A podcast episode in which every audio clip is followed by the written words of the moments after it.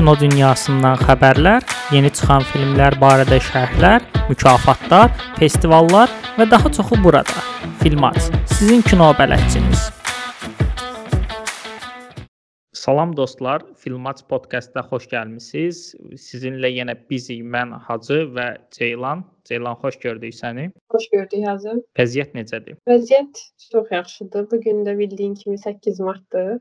Təbrik Qadınlar... eləyirəm səni və bütün bizi dinləyən qadınları ümid edirəm ki, daha yaxşı bir ölkə, daha yaxşı bir vəziyyət olar qadınlar çox xüsusilə. Eynən mən də qadınları təbrik eləyirəm 8 mart münasibəti ilə. Ümid eləyirəm ki, elə bir günə gəlib çatarıq ki, ə, dünyamızda, yəni qadınlar elə olmalıdır, belə olmalıdır kimi söhbətlər yığışılar və hər kəs öz istədiyi həyatı yaşayar. Yəni bunun diləyi ilə bütün qadınları təbrik edirəm. Məncə çox yaxşı təbrik elədim. Bu təbriklərə mən də qoşuluram.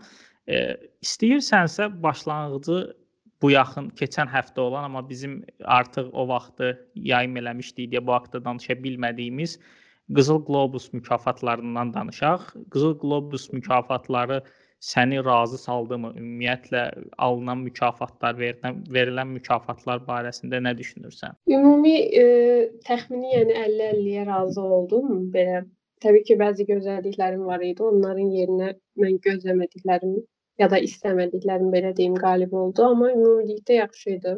Bəziləri həqiqətən də gözlənilirdi ki, qalib gələcək. Yəni hətta yadımdasa biz film çıxandan bəzi filmləri gözləyirdik ki, %100 ə, e, mükafatlarda süpürüb aparacaqlar. Onlardan biri elə məsələn ən yaxşı ə, e, dram filmi Nomadland-dir. Onu biz də demişdik ki, həqiqətən gözləyirik. Buna görə yəni bəziləri gözlənilən idi, bəziləri yox. Bəzilərində heç belə əvvəldən düşünməzdim ki, bu film gələr və yaxud da bu rejissor və yaxud da nə bilim kimsə gələr qalib olar. Ümumilikdə 50-nin 50-yə mən razı qaldım. Sənin fikirlərini öyrənmək istəyirəm. Mən də razı qaldım əslində. Sadəcə belə deyim, burada olan bəzi e, seriallar filan var ki, onların ümumiyyətlə xəbərim yoxdur da. Yəni dəhşət çox serial izləyən olmadığım üçün məlumatsan istəyirsənsə, əgər bu mükafatlardan xəbərsiz olanlar varsa, mən mükafatların bəzilərini vurğulayım. Daha sonra həmin o mükafatlar üzərindən qısaca bir üstündən keçək və digər bir məsələmizə keçərik. Ən yaxşı dram filmində sən dediyin kimi Nomadland qalib gəldi. Musical və ya komediyada isə Borat Subsequent Movie film Boratın ikinci hissəsi qalib gəldi. Burada e, ən yaxşı aktyor məncə maraqlı qalib oldu. Chadwick Boseman ölümündən sonra e, Ma Rainey's Black Bottom filmindəki roluna görə ən yaxşı aktyor qazandı. Burada Mən keçən dəfə də demişdim ki, Oskarda mübarizə olacaq maraqlı. Chadwick Boseman deyəsən ən yaxşı aktyoru ölümündən sonra qazanacaq. Aktrisa da Andre Day musical və ya komediya janrında isə Sasha Baron Cohen ən yaxşı aktyor, Rosamund Pike isə ən yaxşı aktrisa üzrə mükafat aldı və digər tərəfdən isə ən yaxşı rejissor mükafatını Claude Zhao aldı ən Nomadland filmi ilə. Ən yaxşı Ssenarini isə Aaron Sorkin qazandı Chicago yetkilisinin məhkəməsi ilə. Digər tərəfdə Soul filmi ən yaxşı musiqi, ən ən yaxşı mahnıya görə isə The, The Life Ahead filmi qələbə qazandı. Animasiya gözlənilən kimi animasiyada qələbə Soul-un oldu. Ən yaxşı xarici dildə film isə Amerikanın namizədi olan Minari qazandı. Bunlar barəsində demək istədiyin bir şey varmı bu filmlər barəsində? Ə Ən yaxşı animasiyanı onsuz da mən elə indidən Oskara da ən böyük namizəd kimi görürəm. Ona görə çox təəccüblənmədim ona. Bir də dediyim kimi Nomadland idi. Bir də ə, ən yaxşı aktyor ə, Chadwick Boseman təbii ki, layiq idi olmağına, amma mən elə mənə elə gəlirdi ki, ə, Mank filmi ilə Gary Oldman daha çox belə önə çıxdı. Çünki həm bioqrafik film olduğuna görə, tam olaraq bioqra yox, elə bioqrafik filmdir. Ona görə normalda ə, e, belə deyim də, həm Oscarda, həm Golden Globes-da, həm bu kimi belə böyük gözlənilən ə, e, mükafatlarda çox vaxt gördüyün kimi bioqrafik filmlərdə ə, e, personajları canlandıran, daha doğrusu insanları canlandıranlar qalib gəlirlər. Elə Andra Day də məsələn bioqrafik bioqrafik filmə görə aldı. Ona görə düz Andra Day-in almasını gözləmirdim. Ondan daha çox məncə layiq olanlar var idi, belə sərt şəkildə deyim. Amma Məsələn, gözlənilməyib Francis yəni. McDormand. Eynən, eynən. Məsələn, mən Francis McDormand-ı daha çox gözləyirdim, amma gəldi Andra Day çıxdı. O da çox bəlkə elə bioqrafik film olduğuna görə ola bilər. Sənə Amma e, burada- burada sözü kəsdiyim üçün üzr istəyirəm. Mənə görə aktyorda Riz Ahmed də kifayət qədər güclü namizəddir. Yəni Riz Ahmed qazansaydı mən təəccüblənməzdim. Hətta Mən də, bir də. Yəni məncə sən demiş daha belə Oscarda da elə indidə düzdür Chadwick Boseman qazandı, layiq deyildi kimi cümlələr işlətməyəcəm. Sadəcə çox güclü yəni namizədlər var həqiqətən. Yəni biri qalib olanda digərinə haqsızlıq kimi görmək mümkün deyil. Çox Yəni güclüdür. Yəni belə düşünsün ki, bizim dinləyicilərimiz Anthony Hopkins kimi bir aktyor belə qazana bilməyib də. Yəni o qədər güclü rəqabət var burada. Yəni Anthony Hopkinsin adı belə hallanmır. Yəni var namizədlər sırasında, amma yenə də də biz əsas kimi, məsələn, əsas favorit kimi görülmür də. Ümumiyyətlə dünyada da bu belədir. Danışmaq istədiyin televiziya serialları və ya mini seriallar barəsində danışmaq istədiyin bir şey varmı? Çünki burada da əslinə qalsa sənin sevdiyin bir serial var. The Crown. Qələbə qazandı. Ən yaxşı ən yaxşı televiziya e, Onu ən mən yaxşı. gözləyirdim onsuz da. Hə. Onu mən gözləyirdim. Həm çox sevdiyimə görə, yəni istəyirdim, həm də ki, istəməkdən də əlavə gözləyirdim. Çünki Netflix-in mənə görə çəkdiyi ən yaxşı seriallardan bəlkə də top 5-mə daxil olar. Yəni o dərəcədə çox yaxşı serialdır. Sırf bioqrafik olduğuna görə demirəm. Ümumilikdə yəni A-sından Z-sinə qədər hər şeyi mənə görə çox əla bir serialdır. Ona görə gözləyirdim. Belə çox sevindim mən də. Mən də sənin kimi çox ə, seriala baxan olmadım. Daha çox filmlərə baxıram. Ona görə seriallar haqqında o qədər də danışa bilməyəcəm. E, Mən burada ən yaxşı mini serial barəsində danışmaq istəyirəm. Düzdür, Queen's Gambit oldu və həqiqətən də dünyada böyük bir izlənmə kütləsi qazandı. Amma mən bir normal people'cu olaraq, yəni normal people-ın qələbə qazanmağını istəyərdim. Bilmirəm, mənə çox xoş gəlir o serial. Ümumiyyətlə mən o serialı çox sevirəm. Yəni çox özümə yaxın görürəm. Mənim öz psixoloji vəziyyətimlə də çox yaxın gördüyüm üçün mənə bəlkə də daha yaxındır, amma Queen's Gambit-in qazanmağında da heç bir film problem yoxdur, çünki həqiqətən də çox yaxşı işləyiblər. Burada Anya Taylor-Joy'un da ən yaxşı aktrisa nominasiyasında qalib gəldiyini deyək və məncə burada danışacaq nəyimisə qalmadı. Yəni sən demiş seriallar barəsində dəhşətlə Ma- amma gərək bir dəfə belə eləyək ki, e, seriallara həqiqətən də çox yaxşı bələd olan qonaq qəbul eləyək. O da bizlə danışsın. O da fikir. Ümumiyyətlə gələcəkdə bu barədə düşünək ki, qonaqlar olsun. Məsələn, müxtəlif mövzularda onlar da bizimlə öz fikirlərini bölüşsünlər. Eynən, ağlımda indi biri var.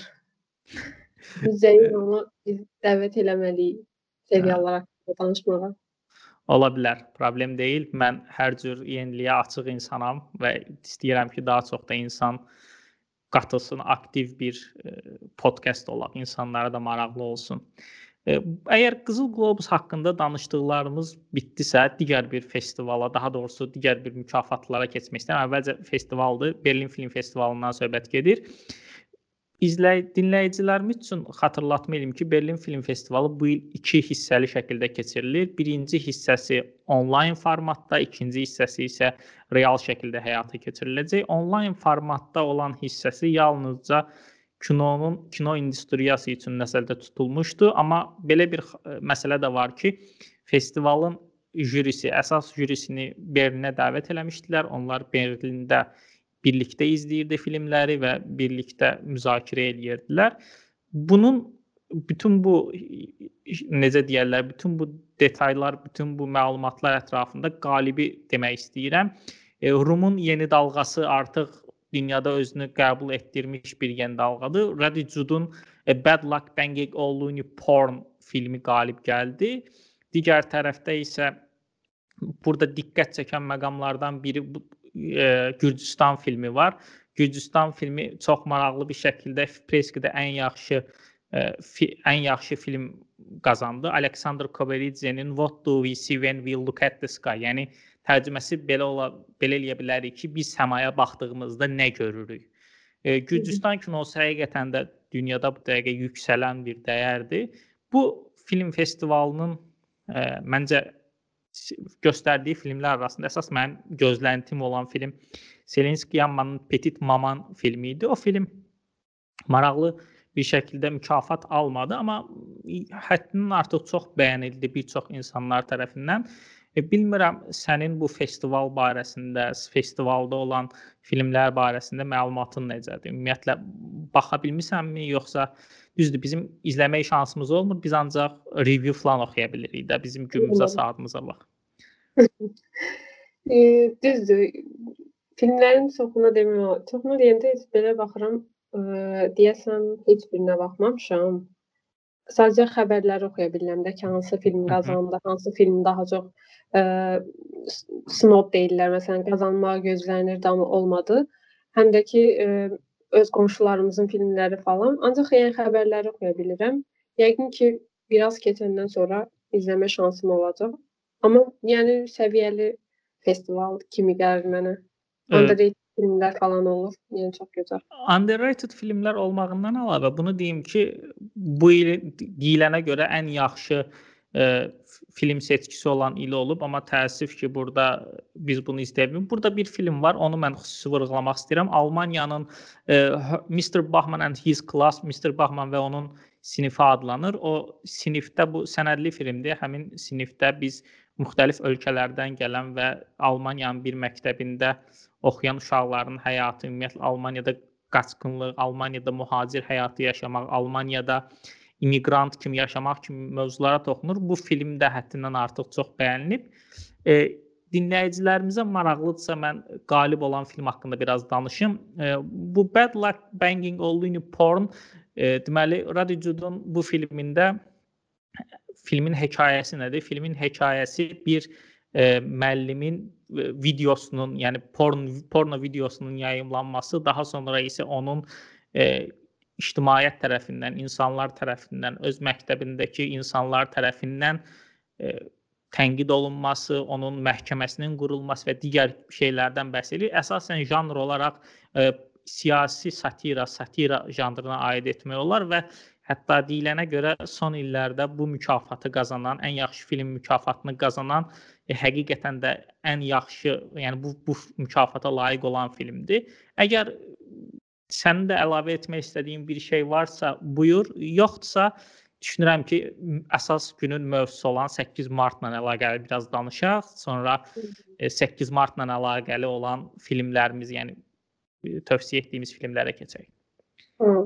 Festivaldan bu qədər məncə. Elə Golden Globes, bir də Berlin festivalı. Yəni filmlər sən demiş, mənim də kəsdi belə gözüm baxmaq istəyirəm. Amma ki hələ ki dediyim kimi indi bu dəqiqə alınmır. Ona görə sadəcə iz xəbərləri izləyirəm. Belə yəni filmlərimizə keçə bilərik. Aha, filmlərimizə keçə bilərik. Məncə əvvəlcə bir şeydən danışsaq çox yaxşı olar. E, mən bu ifadədən çalışıram ki, qaçım qadın rejissor ifadəsindən də bu ifadə biraz mənə elə gəlir ki, düzgün bir ifadə deyil. Bunun səbəbi odur ki, məsələn biz kişi rejissor demirik də. Biz demirik ki, məsələn kişi rejissorun filmi qalib gəldi. Amma niyə bu ehtiyacı hiss eləyirik ki, qadın rejissor? Rejissor elə rejissordur. Hətta mən bunun daha da o tərəfinə gedərək e, çalışıram ki, hər zaman aktyor sözündən istifadə edeyim. Yəni belə cinsi klassifikasiyalar bölməyim də. Onları aktyor, aktrisa kimi deyil də bacardığım qədər çalışıram ki, aktyor deyim. E, sən necə düşünürsən bu barədə? Səncə bu ayrım necə düzgündürmü, deyilmi? Ümumiyyətlə əlavə bir fikrin varmı? Bununla bağlı artıq bir il əvvəl idi, yoxsa nə qədər idi?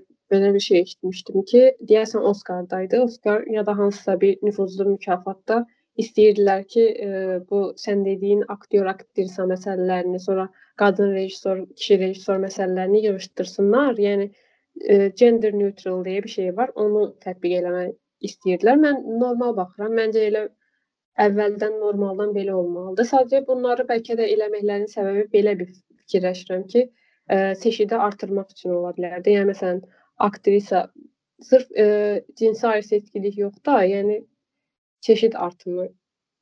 Yəni o baxımdan baxıram mən, amma ki e, mən də fikirləşirəm ki, nəyə görə qadın rejissor, kişi, yəni kişi rejissor biz heç vaxt o ifadəni mən eşitməmişəm. Yəni heç özüm də normalda işlətmirəm. Ona görə çalışıram ki, mən də qadın rejissor kəlməsini işlətməyim. Belə yəni səndən demək olar ki, eyni düşüncədəyəm bunda. E, sən dediyin məsələ elə Berlin Film Festivalında olmuşdu. Keçən il onlar belə bir e, qərar qəbul elədilər ki, bundan sonra ən yaxşı qadın və ən yaxşı kişi ən yaxşı qadın və ən yaxşı kişi aktyor mükafatını ləğv eləyirlər. Əvəzində ən yaxşı performans və ən yaxşı köməkçi performans mükafatı verirlər. Yəni heç bir e, genderə bölmədən yalnızca performansın özünə, aktyorun performansına uyğun mükafat verirlər. Yəni bunu da dinləyicilərimizin diqqətinə çatdırım əgər xəbərləri yoxdursa. O zaman çox da uzatmadan 8 martla əlaqəli olan sənin ilk filmini e, gözləyirəm. Əminəm ki, dinləyicilərimiz də gözləyirlər. Deməli mən ə, e, iki filmdən birini sadəcə 8 martla əlaqəli seçmişəm, onu əvvəlcədən deyim. İkinci film biraz fərqlidir. Biraz deyəndə məncə ə, e, qulaq asanlar bəyənəcək onda. Birinci filmim ə, Sofia Coppola'nın The Virgin Suicides filmidir. Ə, filmin 1999-cu ildə çəkilib və ə, demək, yəni bu filmi seçməyimin səbəbi iki səbəbi var. Biri həm ə, 8 mart olduğuna görə bu ayrı seçkilik kimi olmasın, amma ə, fikirləşdim ki, qadın rejissor seçim. Bir də əlavə olaraq ə, filmin adından bəlli olduğu kimi burada intihardan söhbət gedir. Yəni həm qadın, həm də intihar. Düzü bizdə ə, gündəm 180 dərəcə dəyişə bilər bir gün içində, amma mənə görə hələ də belə deyim, ə, gündəmdə olan mövzudur mənim üçün. Ona görə bu filmi seçdim. Deməli, filmdə ə, o qədər də spoiler yoxdur. Dediyim kimi filmin adı onsuz da filmin nə olduğunu bəlli eləyir. Sadəcə onu deyim ki, qısaca bir sinopsis kimi filmin nədən bəhs, elə, bəhs elədiyini deyim. Deməli, film ə, 1970-ci illərin ə, Michigan Michigan'da keçir, Amerikada. Orada deməli 5 bacıdan ibarət bir ailə olur. Lisbon ailəsi. Onların balaca ən balaca bacılarını, yəni 12-17 yaşındadılar bu, bacılar 5 nəfər. Onların 12 yaşında olan ən balacaları ilk gün, yəni həmin evə köçdükləri gün intihara intihara cəhd edir. Filmdə elə ondan başlayır ki, həmin qızın intihara cəhdi ilə Belə ə, çox maraqlı film idi. E, deməli, burada əsas e, tənqidi mövzular mən, yəni mənə görə həm ə, kitab kitabı da var, düzdür, kitabını oxumamışam, amma həm rejissorun, həm də kitabın yazarının məncə çox gözəl mövzulara toxunduğu, tənqid elədiyi bir filmdir. Filmi biz əsas ə, orada həmin qonşuluqda olan, yəni onlar hələ təzə köçürlər ora, həmin ailə 7 nəfərdən ibarət ailədir. Ora təzə köçəndə onların gözündən yox, yəni biz filmi qadınların gözündən izləmirik, belə deyim. Ora orada olan 3-4 nəfərlik bir oğlan qrupu var. Onların gözündən görürük. Əsasda aralarında bir nəfər var, hansı ki o oğlan sonradan ə, bu bacıların ən böyüyü olanla sevgili olur. Həmin oğlanın ə, nəqli ilə belə deyim filmi izləyirik. Yəni narrator odur. Belə çox maraqlı idi. Hə, mənim diqqətimi çəkən mövzu mövzulardan biri o idi ki, bu oğlanlar, bu qızlar bura təzə köçəndə onları ilk dəfədən ə, cinsi obyekt kimi görürdülər. Yəni sırf qadın olduqlarına görə, həm də gözəl gözəl olduqlarını düşünüb, hansı ki narrator onu filmi ə, nəql eləyəndə deyirdi. Onları izləyirdilər, nə bilim, ə, qarşı evləri qarşılıqlı olduğu üçün onlar gecə nə bilim paltarlarını soyunanda falan onları izləyirdilər. Belə Yəni haqqında elə danışırdılar ki, görmək olurdu ki, onları cinsi obyekt kimi görürlər. Amma elə olur ki, filmin sonlarına yaxın nə olduğunu demədən deyim ki, mən mənə ən çox təsir edən ə, nöqtələrindən biri o idi ki, bu boyda qonşuluqda bu intiharla bütün ailələrin ə, düzəni pozulur, amma bir-iki gün keçəndən sonra yavaş-yavaş unutmağa başlayırlar. Amma aralarında unutmayan əvvəlcədən bunları, bu qızları cinsi obyekt kimi gör görən ə, oğlanlar olur. Hansı ki üstündən hardasa nə bilim 10, 10 il, bəlkə də 20 il keçəndən sonra ə, hələ də unutmurlar ki, nəyə görə bu qızlar bəzi müəyyən qərarları verirlər. Yəni mənim çox xoşuma gəldi film. Ə, belə. Bir Aydındır. Aha. Ə, belə yəni ümumi bir də bir iki fikrimi deyim film haqqında. Deməli, e, film film mənə bəxş elədiyi gözəlliklərdən biri deyim, o idi ki, e, yəni rejissorun mənə görə, mənim düşüncəmə görə demək istədiyi bir neçə e, keçirmək istədiyi bir neçə mesaj deyim və yaxud da fikir deyim var idi. Onlardan biri o idi ki, e, müha aşırı mühafirə mühafizəkarlıq öldürür.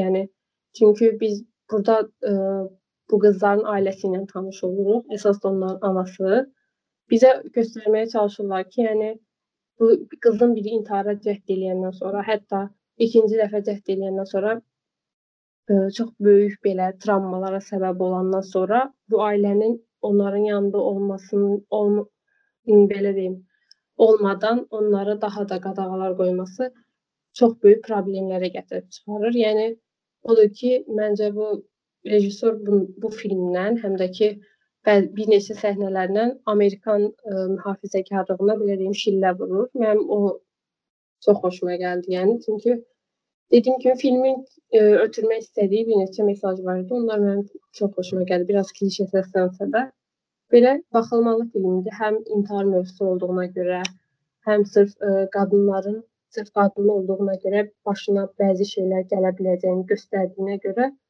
ümid edirəm, yəni ə, e, spoiler vermədim düzdür, amma ümid edirəm maraqlı gəlib izləyənlər olacaq. Məncə çox yaxşı izah elədim filmi və ümid edirəm ki, bu izahdan sonra filmi izləyənlər olacaq. Bu arada bu filmi mən izləməmişəm, amma Sofia Coppola-nın mən Lost in Translation-ını izləmişdim. Həqiqətən də qadın mövzusuna çox maraqlı yanaşması var. Yəqin ki, bu filmdə qarşıma çıxsa mütləq izləyəcəm. Mənim haqqında danışmaq istədiyim film 1962-ci ildə Agnes Vardanın çəkdiyi Cleo 5-dən 7-yə filmidir. E, bu filmin hekayəsini əvvəlcə gəlin mən dinləyicilərə izah eləyim. Bu filmin hekayəsi bir e, xərçəng olmaq ehtimalı olan bir qadının ölüm qorxusu yaşaması və ölüm qorxusu ilə üzləşməsi və 90 dəqiqə ərzində başına gələnlərdir. Film e, sinxron zamanda çəkilib. Yəni film saat 5 tamamda başlayır və 7-nin yarısı bitir e, həqiqətən filmin özü də 1 saat 30 dəqiqədir və həmin o aralıqda gedir. Yəni biz onun yaşadığı hər anı, hər saniyəni real şəkildə görürük. Məncə bu münasibət ümumiyyətlə filmdə belə bir şeyin olmağı, real zamanın istifadə olunması çox təqdirə layiqdir və çox ə, e, uğurludur. Ümumiyyətlə Agnes Varda mənim sevdiyim rejissorlardan biridir. Digər tərəfdən isə bu filmin müsbət tərəfi məncə odur ki, e, bir qadının, bir qadının düş cəmiyyətdəki düşdüyü vəziyyət, cəmiyyətdə ona olan baxış və onun özünü e, realizə etmə problemi, özünün qorxuları, onun ümumiyyətlə dünyaya baxışını çox maraqlı bir şəkildə göstərməsidir. Həqiqətən də film boyunca düzdür, filmin ümumi hekayəsi feminist bir hekayədir deyə bilmərik. Feminizm üzərindən də bu filmi yenidən analiz eləmək və oxumaq mümkündür. Lakin belə düşünürəm ki, film bir insan hekayəsi olaraq bir e, bir qadının ölməkdən qorxması ilə, bir insan ölməkdən qorxması ilə əlaqəli çox gözəl nöqtələr toxunmağa bacarır və e, sonda artıq bizim gəlib çatdığımız yerdə e, görürük ki, hər şey tamam e, başqa bir hala çevrilib. Bu filmin mənim insanlara tövsiyəm budur, niyə görə izləsinlər? Çünki filmin həqiqətən çox yaxşı montajı var, həqiqətən çox maraqlı bir e, səhnə dizaynları var, çox maraqlı şəkildə kamera qur quruluşu var. Ümumiyyətlə kinematoqrafdan çox maraqlı istifadə ediblər, kameradan çox yaxşı istifadə etməyə bacarıblar və filmin güclü tərəfi budur ki, məncə filmi izləyirik e, filmin ah, filmdə isə bir saniyə belə sıxılmırıq. Bütün o an, bütün o stress, bütün o gərginlik, hər şeyi çox yaxşı verməyə bacarır. Yəni nəzərə alsaq ki, film 50 il bundan əvvəl çəkilib, yəni zaman ötdükcə filmlər köhnəlir, amma bu filmi izləyəndə mən heç bir köhnəlik hiss etmədim. Əksinə düşündüm ki, sanki bu film təzə çəkilib, yəni bu film o qədər canlıdır, o qədər ruhumuza toxunmağı bacarır. E, mən sizə mütləq bu filmi dinləyicilərimizə demək istəyirəm ki, mütləq bu filmi izləsinlər. Məncə çox bəyənəcəklər. Əgər izləməyənlər varsa, mütləq bir şəkildə bu filmi izləyin. Qısaca deyəcəyim budur.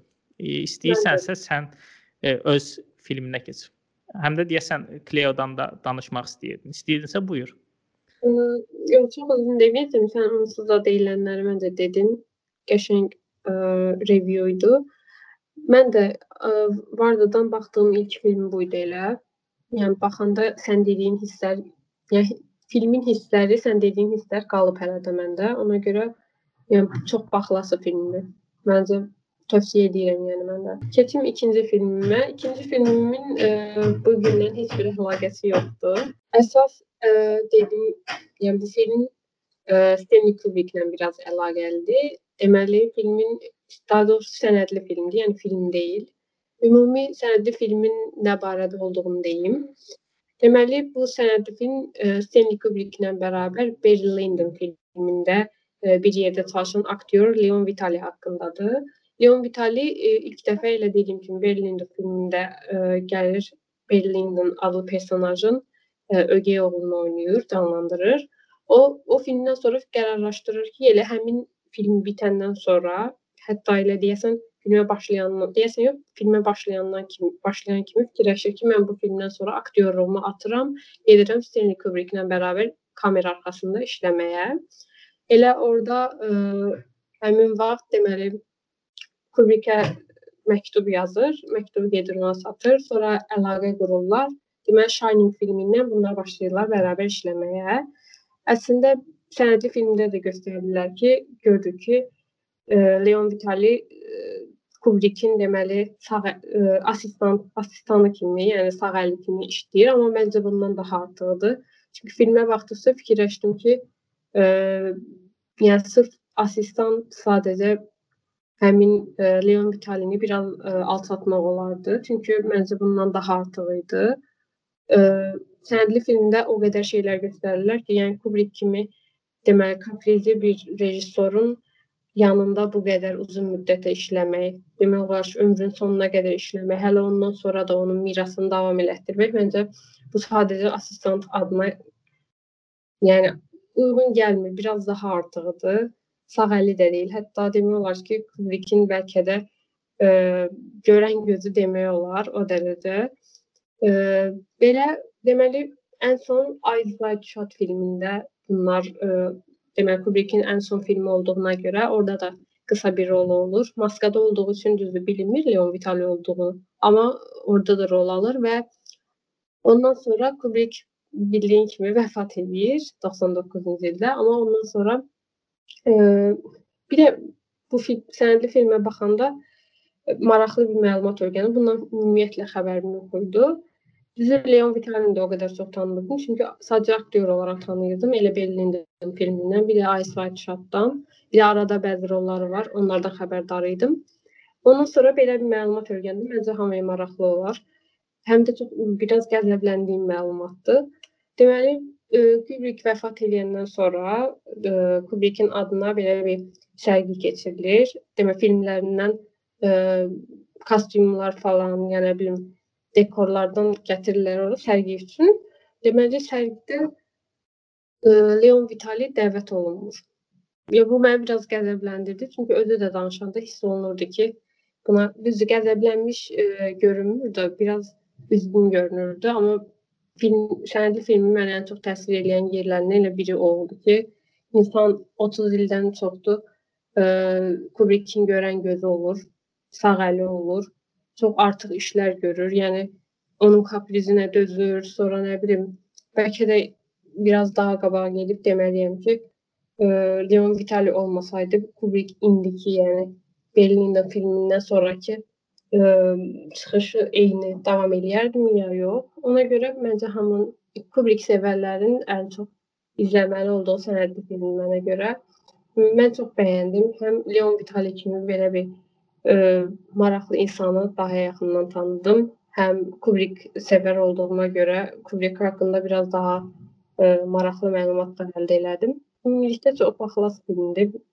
Hamıya tövsiyə edirəm. Belə Sənin dediyin məlumatların əslində çoxun mən də bilmirdim və mənim üçün də kifayət qədər maraqlı oldu. Yəni həqiqətən də ə, çox dəyərli məlumatlar bölüşdün. Buna görə təşəkkür edirəm. Bu Kubrick barəsində üzr istəyirəm. Demək, ağlıma bunu danışanda belə bir maraqlı sual gəldi. Çünki dediyim kimi həqiqətən çox belə 30 ildən çox bir yəni təsəvvür elə aktyorluğunu qoyursan bir kənara, özü həmin aktyor olduğu vaxtı çox yaxşı idi da. Yəni belə deyim, bəlkə də karyerasının pik nöqtəsində idi. Mənim maraqlıdır ki, sən nə düşünürsən? Yəni sən Əgər indi Leon Vitalinin olduğu nöqtədə olsan, deyək ki, fərq yoxdur hər hansı bir işdə film olsun və ya da başqa bir sahə, sən həmin işə atıb e, sevdiyin rejissorun yanında işləməyə gedərdinmi? Və ya da olsa hansı rejissor olardı?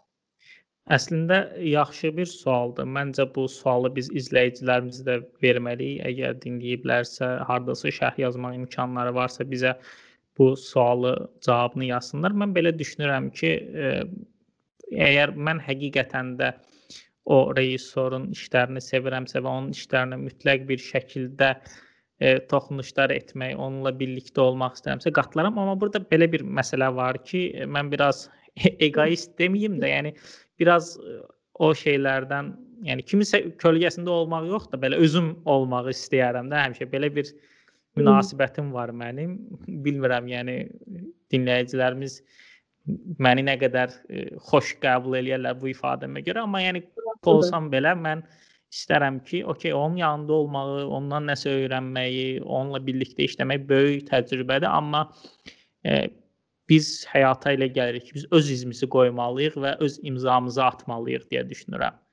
Hmm, maraqlıdır.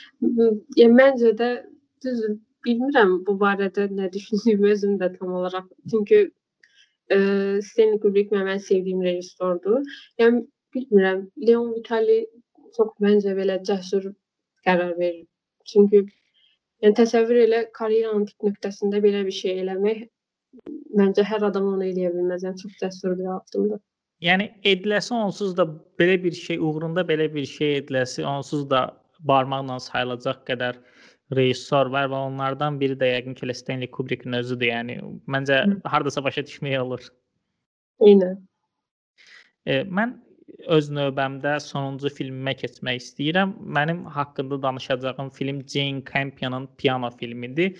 Bu film e, kino tarixində ilk dəfə Qızıl Palmanı qazanan e, rey, yəni qadın rejissorun bir filmidir. Yəni bu ifadəni istifadə elədim, amma çünki vurğulamaq lazımdır. Bundan əvvəl bütün Qızıl Palmanı qazanan kişilər imiş. Yalnızca Jane Campion qadın olub və tarixə də bununla keçib. Film həqiqətən daha sonra Oskarda da yarışıb və Oskarda da 3 mükafat qazanıb. Ümumiyyətlə 5-6 milyonluq bir büdcəsi var və 40 milyona yaxın kassada gəlir əldə edib.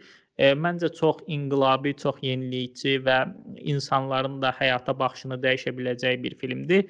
Filmin qısaca hekayəsi budur ki, 6 yaşından etibarən danışmayan bir qadın var və özünü o seçimi olaraq o danışmır, amma özünü ifadə forması olaraq isə o pianonu seçir. Daha sonra o atası tərəfindən Yeni Zelandiyada yaşayan birinə satılır. 19-cu əsrdə keçir bu hekayə. Bir kişiyə satılır və o öz pianosu ilə birlikdə ora gedir, orada yaşamağa başlayır, münasibətləri qurulur və s. və ilə axır e, müxtəlif şeylər görürük burada. Mən burada e, qadının istifadə olunma forması, yəni qadın obrazının ümumiyyətlə müstəmləkəçiliyin, daha sonra qadınların öz ifadə formasının e, piano üzərindən olması kimi vacib məqamlar var. Bu həqiqətən də çox üfüqləri genişlədən bir şeydir. Təbii ki, günümüzün ideoloji baxımından baxdığımız zaman görə bilərik ki, müəyyən mənada axsadığı yerlər ola bilər, lakin ümumilikdə həmin dövrdə ümumiyyətlə bu İngiltərə koloniyalarında, e, müstəmləkələrində və digər yerlərdə qadının olduğu yer, qadının e, demək olar ki, danışmaması və ya danışsa da heç bir əhəmiyyətinin olmaması kimi vacib problemlər simvolik bir şəkildə bizim qarşımıza çıxır. Qadın orada özünü ifadə forması olaraq pianonu seçir. Yəni bu yenilikçi bir şeydir. Qadın orada danışmaqdan imtina edib sadəcə pianoya toxunaraq seçir və danışır və insanlarla onun üzərindən kontakt qurur. Mən filmi izlədiyim zaman həqiqətən də sarsılmışdım. Bunun əsas səbəbi isə güclü operator işinin olmasıdır. Operator həqiqətən də o Yeni Zelandiyada o cəngəlliklərdə baş verənləri, o cəngəlliyin o e, insanı narahat eləyən atmosferini və digər şeyləri, vəhşiliyi, qəbilələrin yaşadığı yaşama formasını və digər bir çox başqa şeyləri görürsən və həqiqətən də e, zövq alırsan. Digər tərəfdən isə aktyor oyunları da möhtəşəmdir. Yəni bu filmi bu filmdə bayaq danışdığımız filmlər kimi mütləq izlənilməsi filmlərdən biridir. Əgər e, dinləyicilərimizdən izləməyənlər varsa, izləsinlər və əminəm ki, onlara yeni bir həyatında yeni bir pəncərə açılacaq, yeni bir film açılacaq ki, belə bir film var imiş.